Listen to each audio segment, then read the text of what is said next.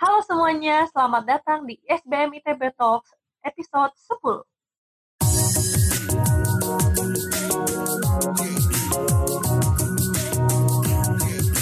Oke, pertama-tama kenalin dulu aku Rana. Aku sekarang sedang berkuliah di jurusan kewirausahaan SBM ITB semester 6 dan di sini aku berperan sebagai announcer dari episode 10 SBM ITB Talks kali ini.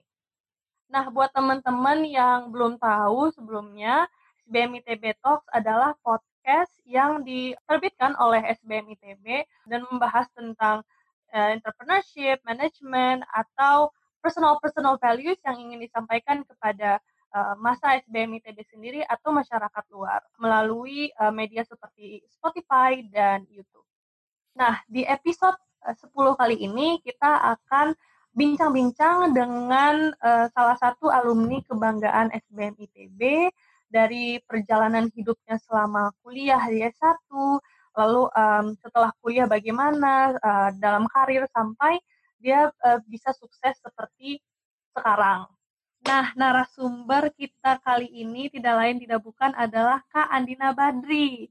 Beliau adalah salah satu mahasiswa, alumni mahasiswa SBM ITB angkatan 2009. Dan selama masa kuliahnya itu, ia pernah mendapatkan penghargaan Ganesha Prize, yaitu mahasiswa berprestasi utama di seluruh ITB.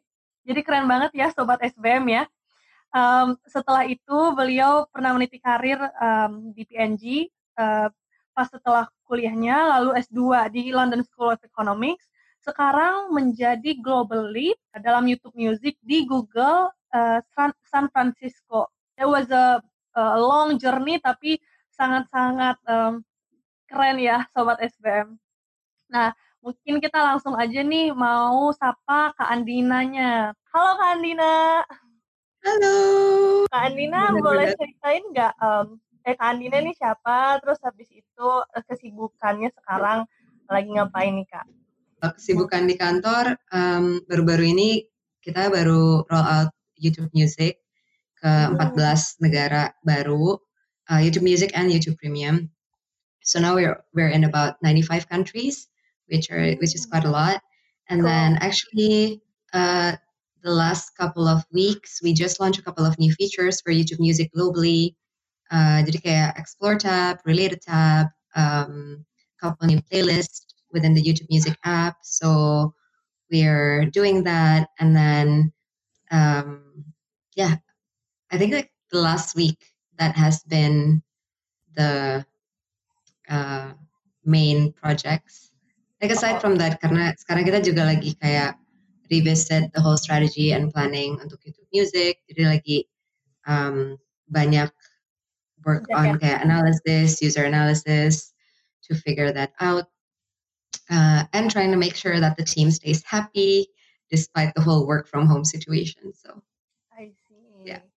Oke. Okay. Yeah. Um, Kak Andina jadi, oh, oke okay. tadi kan Kak Andina mention uh, kakak adalah alumni SBM ITB 2009.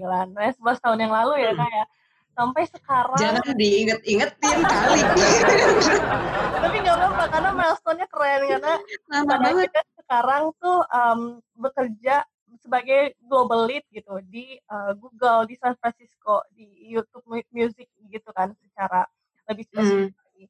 Kak, um, boleh nggak sih um, ceritain bagaimana sih sampai bisa um, ke posisi kakak sekarang atau menjadi Kak Andina yang uh, sekarang gitu? Karena tentunya perjalanan ini pasti panjang gitu ya kak dan mungkin kadang juga melelahkan gitu untuk bisa um, sekarang kerja di San Francisco gitu di Google apalagi. Uh, boleh hmm. mungkin boleh diceritain tuh kayak gimana uh, life after college kakak perjalanannya? Boleh. Aku ada aku disclaimer dulu ya. Soalnya waktu aku awal dan tadi juga kita sebelum sebelum mulai podcastnya agak-agak ngobrol dikit kayak um, aku kan awalnya dikasih brief gimana tips-tips buat sukses mm-hmm. which I'm very contemplated with karena kayak satu aku belum sukses-sukses amat. Dua kayak alumni SBM banyak yang jauh lebih kredibel untuk ngasih tips sukses dan jauh lebih sukses dan kayaknya juga kalau um, kalau sobat SPM banyak yang kayak misalnya Google tips sukses, banyak banget jawabannya yang bakalan jauh lebih bagus dari jawaban aku. Jadi mungkin yang disclaimer dulu yang akan aku share is probably something that I go through and works for me. It might not work for everyone, but if there's something that you can take out of it, then that's that's like job well done. Yeah, no problem. Um, probably kita bisa relate yeah. to some extent gitu. Yes, jadi aku uh, waktu kuliah di SBM, I got super super lucky. Soalnya very early di di kuliah, uh, I found my passion, which is marketing. Kayak I fall in love with marketing. It's the thing that I want to do. Um, dan menurut aku tuh karena marketing uh, basically itu kayak have three pillars. One of it is around user understanding human uh, at a very simple explanation kayak understanding users, understanding human, human behavior, their needs, their barrier. Uh, terus yang kedua sebenarnya sebelum aku kuliah di SBM tuh aku pengen kuliah jurnalis, pengen jadi investigative jurnalis. Soalnya kayak aku tuh suka kayak trying to find patterns and trends and find like the truth behind certain issues kind of thing. Hmm. Terus aku kayak pas selama kuliah nyadar sebenarnya marketing juga a lot of it is about human. Like data analysis, finding patterns, finding trends. And a lot of it is like fun, creative work. Advertising, like designs, a lot of creative work. So very, very early on, I find that I want to do uh, marketing. This is something that I fall in love with. Jadi waktu di SBM itu kan kayak banyak sebenarnya kayak kompetisi atau kayak perusahaan yang ngadain kompetisi uh, related to marketing jadi aku tuh dulu suka join-join jadi misalnya kayak Unilever um, lupa nama kompetisinya apa L'Oreal Brainstorm oh, iya. P&G Business Challenge kayak sekarang namanya CEO Challenge Iya. Yeah. terus dari ya, CEO Challenge terus dari join-join um, kompetisi itu uh, oh and then I think the other thing is uh, pas tahun terakhir aku kan juga sempet ikutan Ganesha Prize ya sih mahasiswa berprestasi ITB. Mm-hmm. So through that actually I meet kayak a lot of people yang um, dari fakultas-fakultas lain yang juga kayak ngasih suggestion-suggestion tentang ada perusahaan ini, perusahaan ini, eh perusahaan ini bikin kompetisi ini, kita kolaborasi yuk. Jadi pas habis lulus itu uh, aku nggak pas habis lulus di approach sama PNG mereka nanya eh ini mau ada ada lowongan kerja um, tapi di Bangkok. Hmm. uh, and it will be for ASEAN ASEAN brand manager untuk kayak regional Southeast Asia uh, Southeast Asia. Hmm. terus aku kayak apa ya double aja kayak oh seru dong travel. Kayak nggak kepikiran gitu kayak oh jauh dari rumah. Apa? Kayaknya aku apa ya nggak nggak kepikiran yang kayak gitu Uh, jadi aku kayak oke okay, aku apply terus uh, prosesnya lumayan panjang karena kayak ada proses seleksi online, seleksi written test, seleksi interview, another interview, another interview. Terus kayak alhamdulillah uh, akhirnya um, dapat kerja di PNG terus tahun 2009 sebelum wisuda tuh udah langsung pindah ke Bangkok. Terus uh, from there I actually stay in PNG for five and a half years. Okay. So I think hmm, for five and a half quite years. A so quite a long time, quite a long time. So I moved from kaya, well, I began in uh, oral care, oral B, and then I moved to skincare, and then I moved to healthcare, managing Fix. Uh, dan pas itu udah jadi kayak uh, regional brand manager buat Fix Southeast Asia. Terus aku ngerasa kayak um, bukan bosan sih tapi kayak pengen challenge yang lain. Dan pas itu aku kayak banyak ngobrol sama orang-orang dari tech background. So then I was pretty sure that I want to make this transition from consumer goods to tech companies.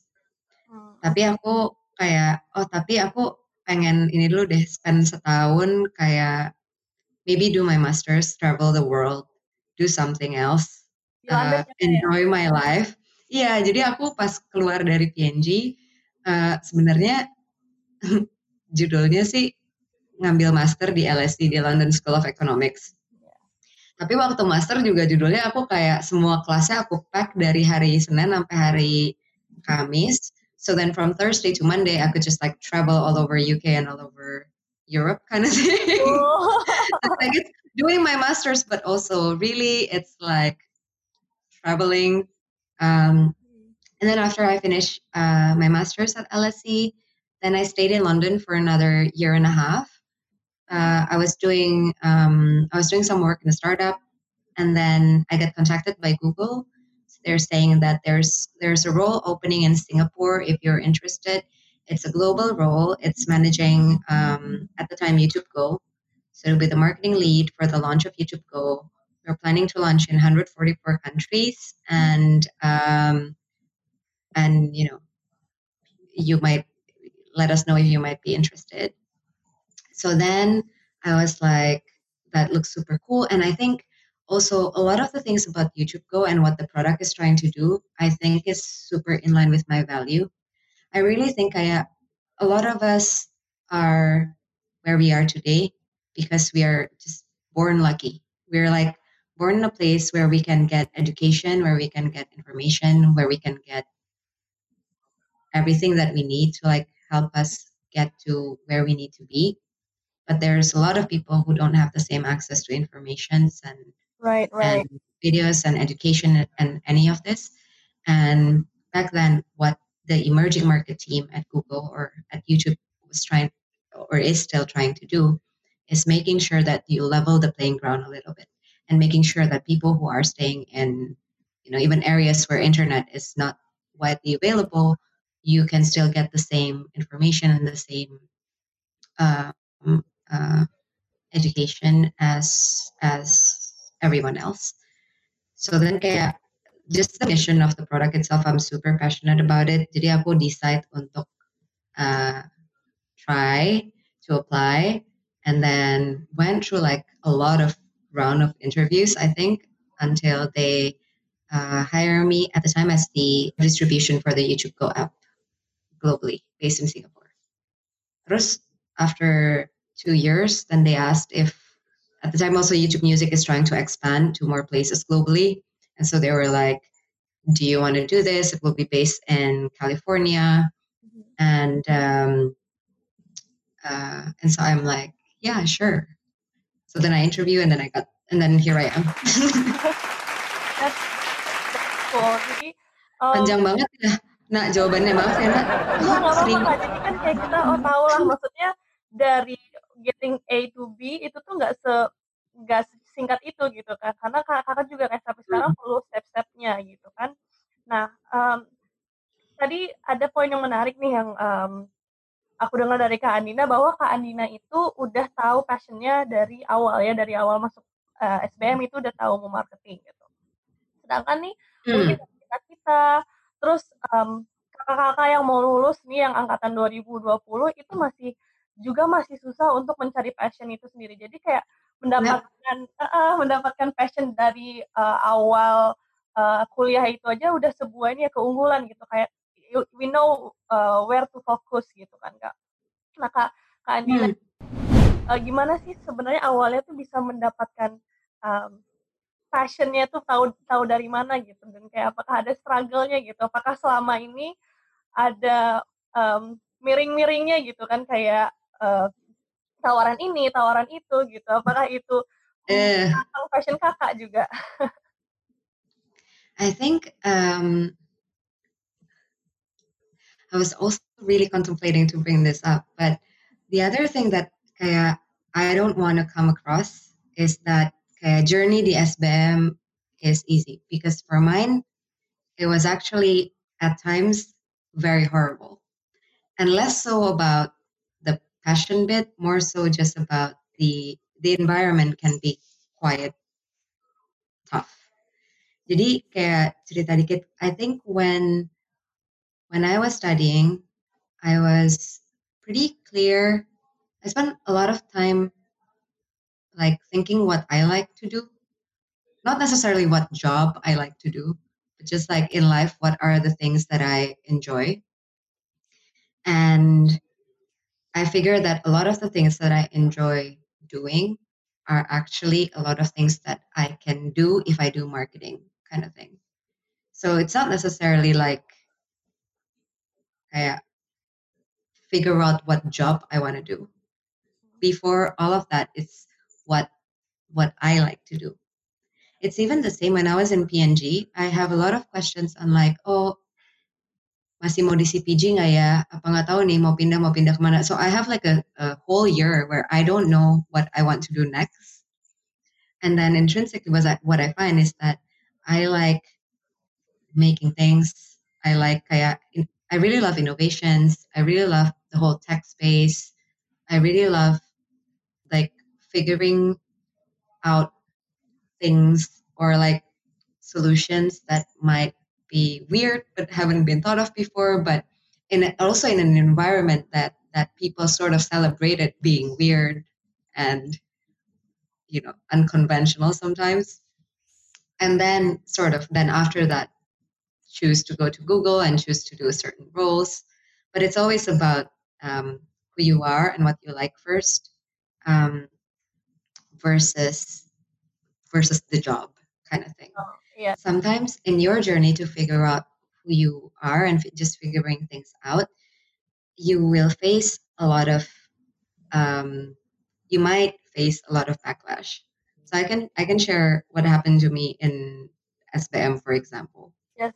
i think all like throughout my life i've always run into trouble for some reason and a lot of the times it's because either kayak, people think oh she she sometimes disagree with things even even though everyone have agreed on or she question too many things. She's too ambitious ambi ambi she's bitchy she's rude. There's just like a lot of actually negativity that that happens when i was at when i was at school. And at times people think that it doesn't impact me but it impacted me a lot. It actually like make me reevaluate like myself and honestly think like that there's something wrong with me. Like it creates a lot of self-doubt. It creates a lot of essentially fear on whether or not i'm doing the right thing. So even when i was in spm and to be honest a lot of this like negativity is um like it, not of not all of it is unvalidated I was also like very young. Sometimes I might be insensitive when I'm voicing out my opinion, and I could be really immature sometimes. So there are there are a lot of um, obviously there are a lot of learnings that I also take for myself, but still it could be it could be difficult because um, you can tell like people are talking behind your back, and then you started question like as a woman is it okay to have goals and ambition.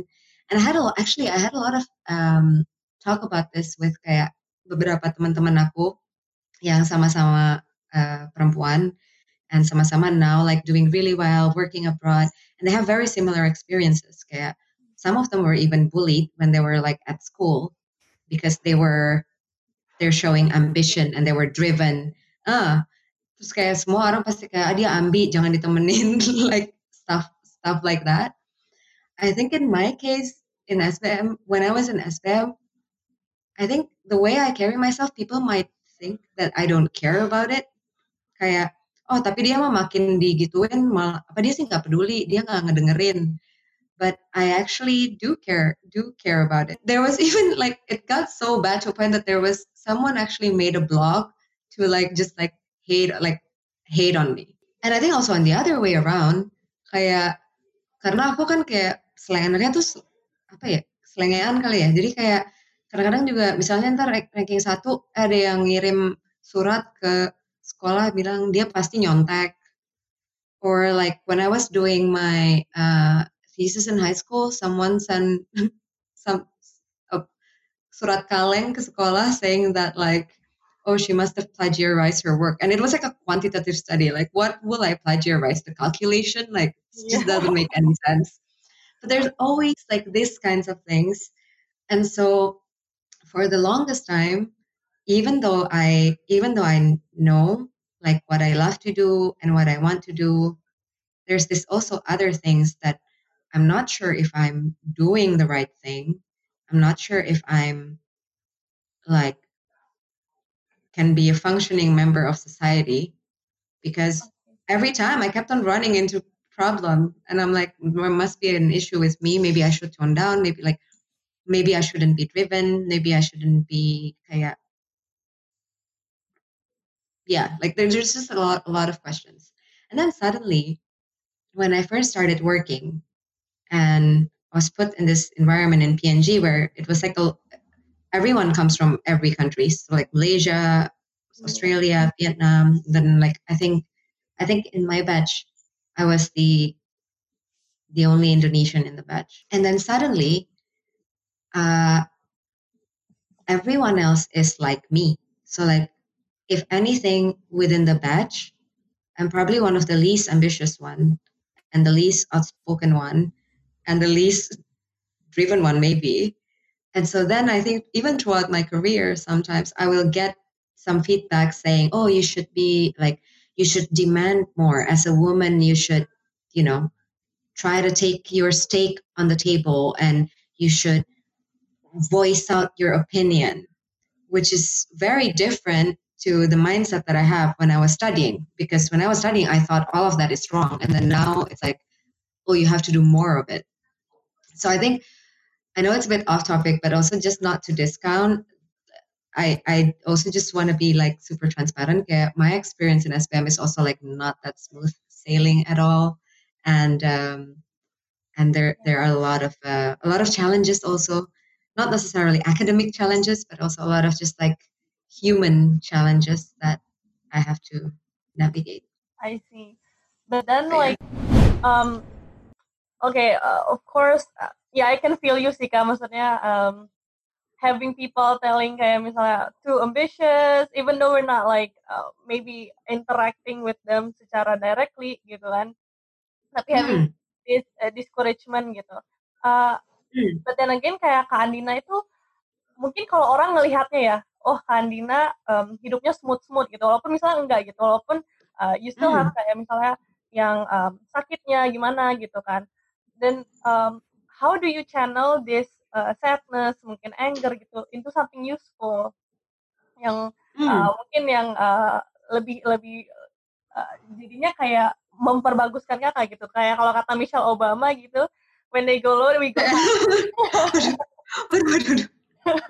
and to be honest like sometimes they they were not going low. Like sometimes what they're saying is actually true. Like now that I if I yeah. look back at it karena kan juga mungkin aku dulu zaman kuliah karena masih muda dan kadang-kadang insensitif mungkin penyampaian feedback like there's opportunity there. So like people might get hurt. So it's not it's not to say what they're saying or or they were lying or anything like that. I think just to make sure i think their feelings are validated. It's just i think for me because it it really has a lot of negative impact um, on myself at the time.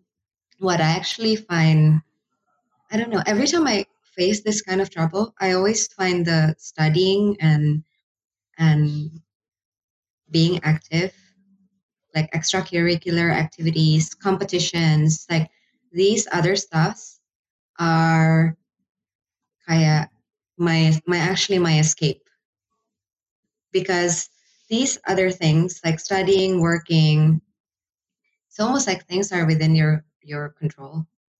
What people think of you, you can't control that, right? Like whatever people think of you, they could say, I think kayak Rana tadi baru bilang kan kadang-kadang ada juga yang nggak kenal padahal tapi ikut-ikutan aja. Like it's the same. Like even when someone made that blog, for example, I would read the blog and then I'll be like very sad about it. And then I'll read and comment and I'm like, some of them I don't even know who are these people who like chime in. And I'm like, I've never even met you before. Why do you hate me so much? But But anyhow, but those like I can't I can't control. Like they could say they could say anything and and it's their truth. Like they for them I might be like that or like for them they might be so annoyed that that I behave a certain way or or something. Uh, so then I think I was just trying to focus on things that I can control because that that made me feel like I have more grasp of what's happening in my life and that made me feel like it it helped me take control of the situation a bit better. Um, so actually, the, the, it's almost like um, the study and the work and the competition and all of that was ther- therapeutic because when there are things that are like sort of chaotic, these are the things that like I know when I put a lot of effort into it, then something good will come out of it, kind of kind of thing. Karena gimana? Aku juga jadi penasaran. Do you think kayak do you think right now it's still it's still the same kind of situation? Like there are a lot of oh, like girls if they're uh, hmm. um kayak tadi tuh yang kakak bilang yang bikin blogspot or even um, Facebook page itu something that yang yang aku alamin waktu ini SD gitu. I don't know mungkin uh. waktu Andinanya kuliah aku SD gitu. Dan itu mungkin uh -uh. something, ya, kayak something yang trending to make a Facebook page or a blogspot on hating someone gitu. Kayaknya itu masih zaman-zamannya bullying kayak gitu kali ya. Um, uh -uh.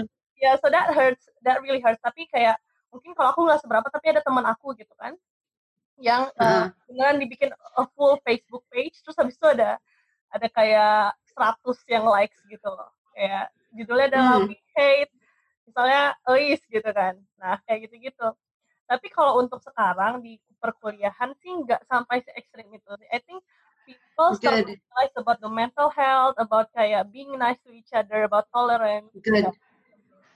even though waktu kayak ngobrol-ngobrolnya tuh masih apa ya mungkin masih ada kayak something that hurts gitu tapi kayak bukan sesuatu yang dibikin um, on on public gitu. hmm.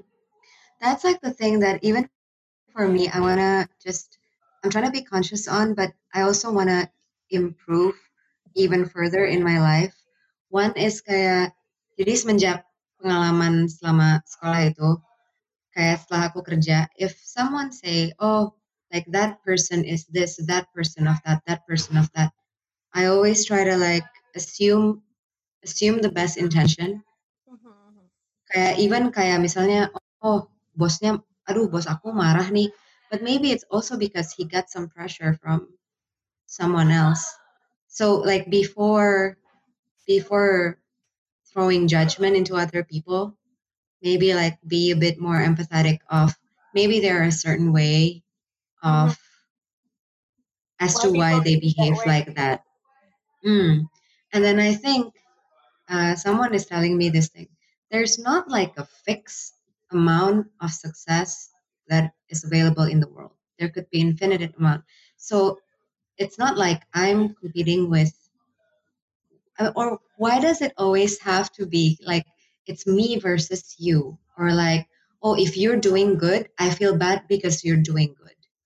I think we should just, you know, celebrate it, everyone for doing good because if one person do good and then they end up doing better and better and better and innovate more and you know create more things it might be actually better for the society in general so i think i i just think um i don't know i'm i'm trying to start it with me but like this whole behavior of of like gossiping or like trying to wait for someone to fall from grace because that's dramatic and that is news. It's just, is it really necessary? Halo Kak ini bisa um, balik lagi. Kayak ada time. Eh, maaf ya, ini udah kemana-mana ya, maaf banget. bukan, bukan. Uh, meski dalam satu scope juga, tapi kayak if you can turn back time gitu kan, what would you uh, advice to your younger self? Yang mungkin yang di SBM gitu ya. About your future about what lies ahead of you gitu kak. Honestly to worry less and be kinder to yourself those are the two. Like mm-hmm. if you don't know what else you want to do it's okay. I think the worst state is to hate yourself for not knowing what to do and then end up not doing anything about it but when you acknowledge, oh, I actually don't know what I want to do, but then what should I do? Or like make thinking about steps that I can do to get there. um, then that's already like you should be proud of yourself for doing that and just be kind to yourself and stop comparing yourself with other people. I think everyone have their own journey. Everyone have like i might decide i don't know five years from now that i want to be a yoga teacher in lombok and just like not do anything i probably wouldn't but if i end up doing that like there's there there's no right or wrong. I mean i think i've met one of my friend uh, is now actually used to be a very successful investment banker. And wow. then actually he yeah and then he decided to he decided that actually you know what? You don't need that much you don't need that much to be happy in life. Um, and so now he live in south africa doing spear fishing and building his own like beach hut. And every day she's like he's like yeah i just need to go to the sea and fish for food and that's enough food for me. So some people even make that life choices. So i think it's just like there's no there's no why am i why haven't i figured out yeah other people might have already figured that out. And i think this this thing where you like think there is a standard that you have to follow and then when that stresses you out, I wish I could tell my younger self, just don't worry too much and be kinder to yourself. Jadi mungkin teman-teman nih yang kayak yang sekarang dengerin uh, podcast ini um, atau YouTube buat angkatan yang masih di SBM it's it's, it's okay. Uh, you don't have to maksudnya kayak passionnya kalau misalnya nggak tahu passionnya sekarang juga nggak apa-apa gitu ya kayak don't hate yourself too much kayak mungkin yes. it's okay untuk bilang why kayak untuk mencari yeah. uh, don't self hate gitu ya and I think like this might be disappointing to some people because you know they might hope for me to say like oh these are the steps that you should take and these are the these are the things that you should follow but I honestly think like everyone knows what they should do and what they should follow. A lot of the times it's just like you have fear to follow it, mm-hmm. or other people are doing A and you feel like you want to do B, but then like then you started doing A.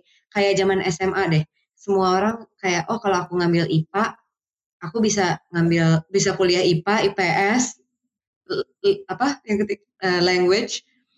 Terus padahal sebenarnya mungkin passionnya adalah sejarah tapi karena dia kayak smart enough to get into IPA, jadi ngambil IPA. Gitu. Ya banyak gitu. sih kejadian kayak gitu. Like, aku juga. Banyak kayak gitu kan. So like just as long as as long as you know what you want, don't be too don't be too hard on yourself. Actually, aku juga ada ceritanya di zaman SMA. Sebenarnya aku kelas 1 SMA tuh hampir gak naik kelas. Gara-gara wow. kayak aku harus bela beneran, beneran ini. Soalnya kan kayak aku SMA di Alpus 1. Terus kelas 1 SMA kelas 1 SMA kan tiba-tiba harus belajar nih kayak fisika. Kalau matematik aku suka matematik tapi harus belajar kayak fisika kimia uh, biologi. Like I was so clear like in my head like I do, I don't want to do this in any point of time in my future kind of thing. Jadi kayak aku detach detach banget to some of the kayak beberapa pelajaran. Terus jadinya kalau di Alpus tuh ada kayak oh nilai nggak boleh nggak boleh ada lebih dari dua lima. Nggak boleh lebih ada nggak boleh ada empat. Kayak nilai empat nggak boleh ada nilai empat di rapot. Terus fisika aku empat dong. Soalnya kayak emang udah nggak tertarik banget. Uh, and then kayak masuk rapat pleno and I was so stressed at the time kayak gila gue bego banget apa gimana ya? Terus masuk rapat pleno at the time. Terus pas rapat pleno akhirnya kayak ya udah bisa naik kelas tapi nggak bisa ngambil tapi IPS terus ya aku kan ya senang justru senang kayak aku passionate banget sama kayak sosiologi ekonomi even matematik uh, uh, sejarah geografi like all of it are like topic of interest of mine. And so I end up begitu masuk IPS semenjak itu ranking satu terus. Padahal sebenarnya the, effort that I put into studying was the same. Like waktu kelas 1 sama kelas 2 sama kelas 3 Malah sebenarnya kayak kelas 2 sama kelas 3 lebih jarang belajar dibanding pas kelas 1 karena kebanyakan stres mikirin fisika, kimia, DKK. Jadi makanya aku selalu mikir, um, kalau kalau standar sukses aku pas SMA, aku masuk IPA, kayak then I'm a failure then like in my head I'm a failure, right?